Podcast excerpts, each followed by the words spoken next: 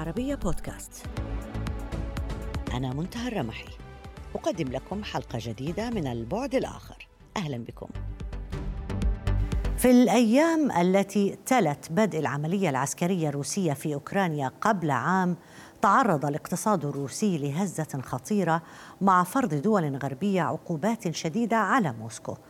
فانخفضت قيمة الروبل الروسية وضاعف البنك المركزي الروسي أسعار الفائدة وأغلقت الحكومة بورصة موسكو. أكد البيت الأبيض أن الناتج المحلي الإجمالي لروسيا سينكمش بنسبة 15% ما سيقضي على مكاسب روسيا في السنوات الخمس عشرة الماضية. كما توقع الكثيرون أن يعود أسلوب الحياة في روسيا إلى ما قبل عصر الهواتف المتحركة والإنترنت بيد أن هذه التوقعات لم تحدث بل إن الاقتصاد أو أداء الاقتصاد الروسي كان أفضل بكثير من السنوات السابقة. استمرت عائدات النفط والغاز خاصة من بلدان التكتل الأوروبي خلال العام الماضي في تعزيز ودعم الموارد المالية الروسية. كما أن المذهل أن المبادلات مع الاتحاد الأوروبي ازدادت بسبب تزايد تخزين الطاقة ما قوض أي تأثير للعقوبات.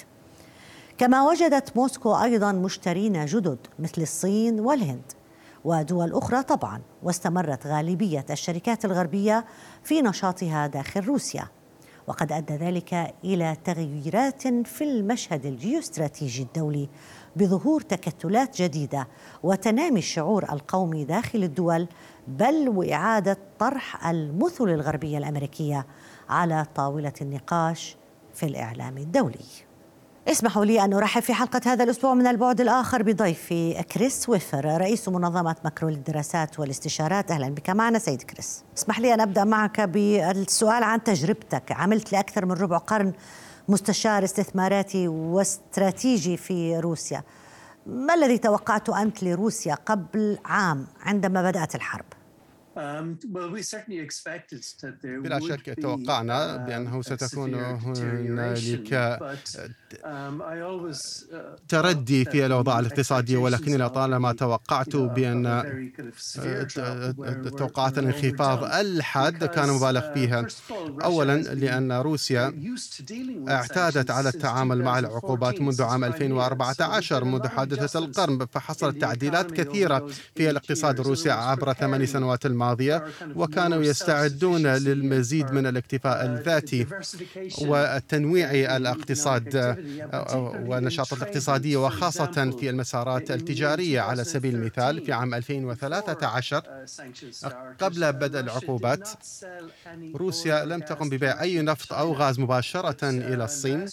أما في العام الماضي أو قبل عام من الآن الصين كانت أكبر مشتري للغاز أو النفط الروسي خاصة عبر أنابيب الغاز الرئيسية وكذلك مشتري كبير للغاز والفحم والمواد الأخرى. فمسألة التنويع حصلت أصلا فكنا نتوقع انخفاض في الاقتصاد وقد تفاجأت.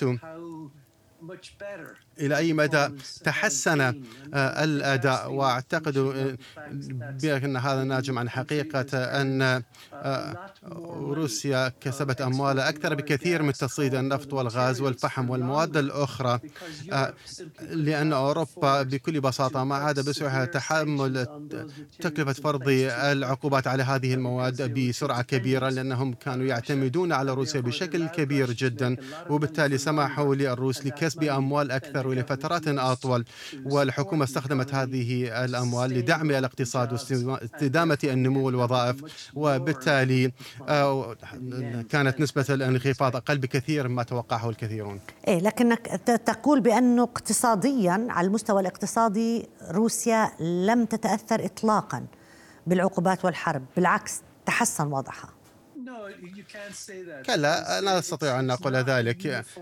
لأن هي ليست الصورة واحدة وموحدة الاقتصاد الروسي بأكمله. أولا نتذكر بأن هيكلية الاقتصاد الروسي لا تختلف كثيرا عن الأيام الاتحاد السوفيتي السابقة. ما أقصده بأن قطاعات الدولة أو الدولة بنفسها تهيمن على الاقتصاد. أكثر من ثلثي الناتج المحلي الإجمالي تحت سيطرة الدولة بشكل أو بآخر. وهكذا فإن الدولة تمكنت من المحافظة على النمو العام من خلال ضخ الأموال إلى قطاعات الدولة. ولكن إذا نظرنا خارج هذه الصورة مثلا صناعة السيارات أو قطاع الاستهلاكي أو التكنولوجيا أو القطاعات الجديدة. فمسألة الضعف كانت شديدة. مثلا صناعة السيارات انخفضت بنسبة 40% في العام الماضي وحتى مبيعات الاستهلاكية والمفرق انخفضت ب 10% فهي ليست صورة موحدة للاقتصاد بأكمله بل أن هيكلية الاقتصاد الروسي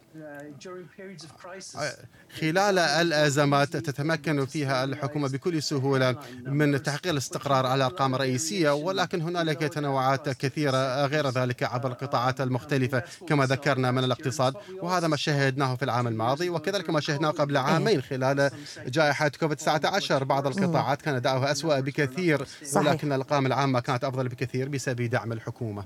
لكن كما تعرف الكرملين توقف أصلا عن نشر البيانات الاقتصادية بعد وقت قصير من بدء التوغل العسكري في أوكرانيا.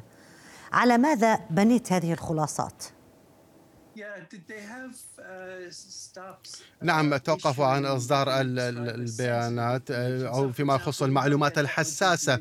فمثلا لا يحصلوا على الكثير من المعلومات فيما يخص انفاقات الموازنات أو الحوالات المالية والصفقات المالية أو أين الأموال؟ مثلا لأنهم لا يريدون لهذه المسائل أن تكون معرضة لعقوبات جديدة.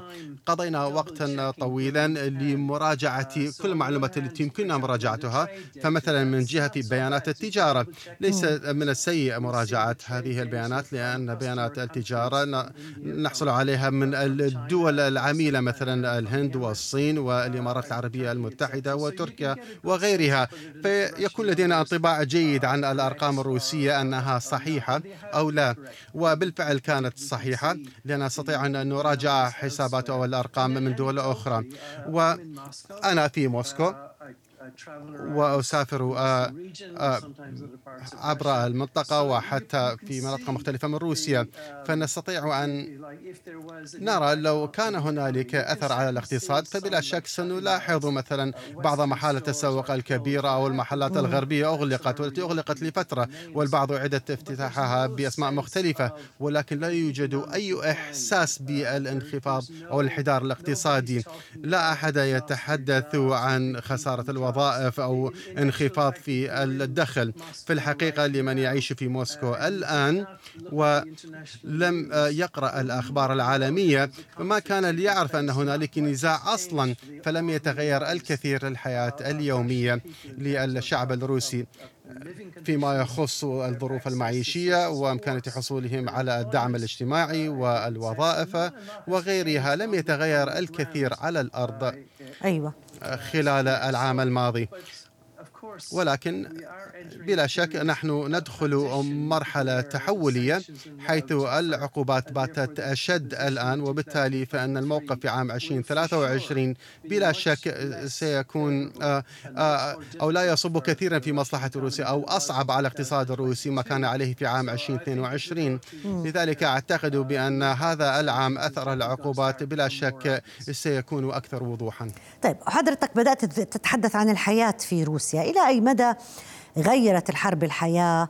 آه بعد أن قيل في بداية الحرب أنه سيتم عزل روسيا رقميا على الأقل. بتعرف نظام سويفت لا يتم التعامل فيه به في روسيا. آه ألم يعقد هذا حياة المواطنين الروس؟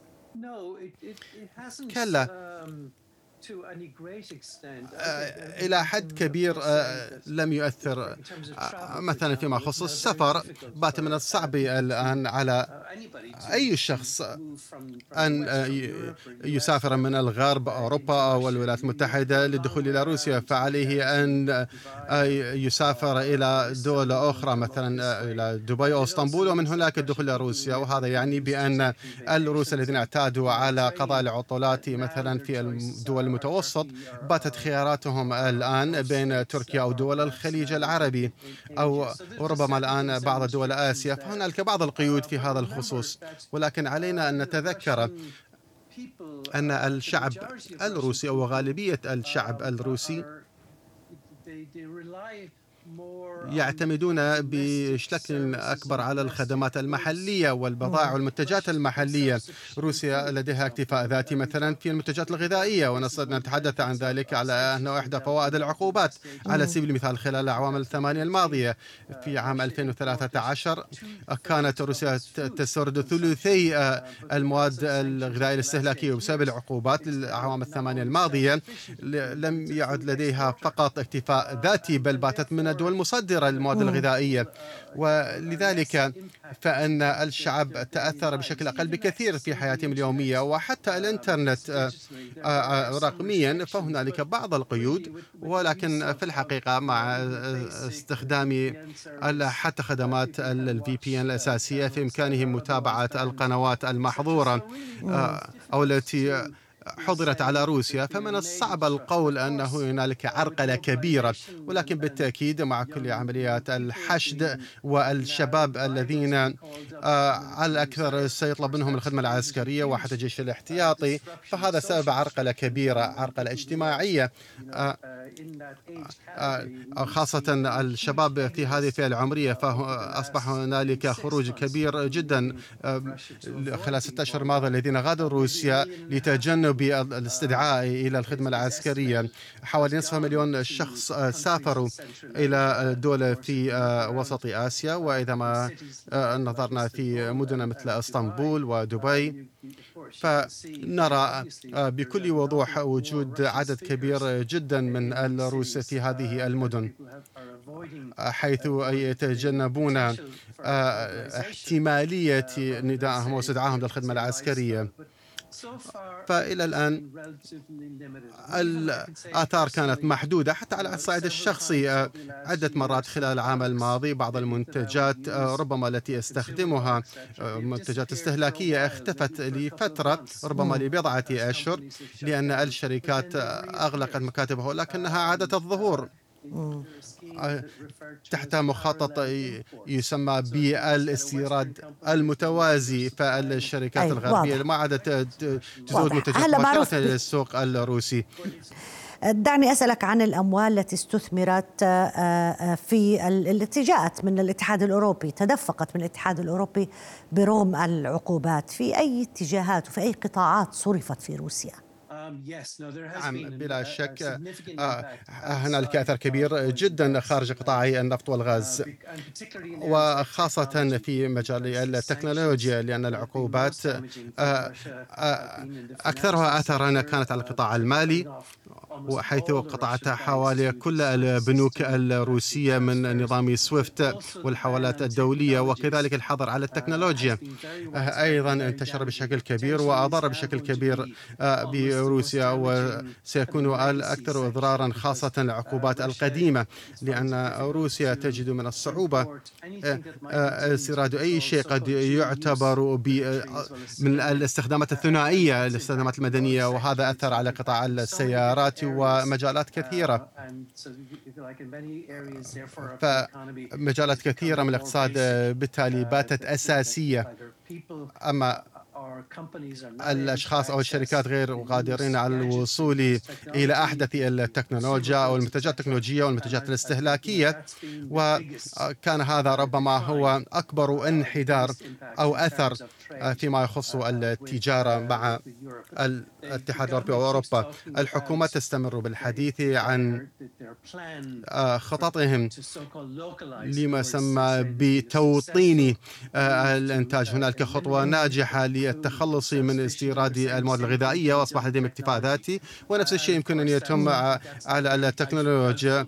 ولكن هذا أمر نشك فيه لأن التكنولوجيا بلا شك هي صناعة عالمية ولم يتمكن من الوصول إلى أحدث التكنولوجيا من آسيا أو أوروبا أو الولايات المتحدة. فبلا شك آه، سيكون من الصعب جدا استنساخها. فهذا أحد المجالات ربما التي ستعاني فيها روسيا بشكل كبير.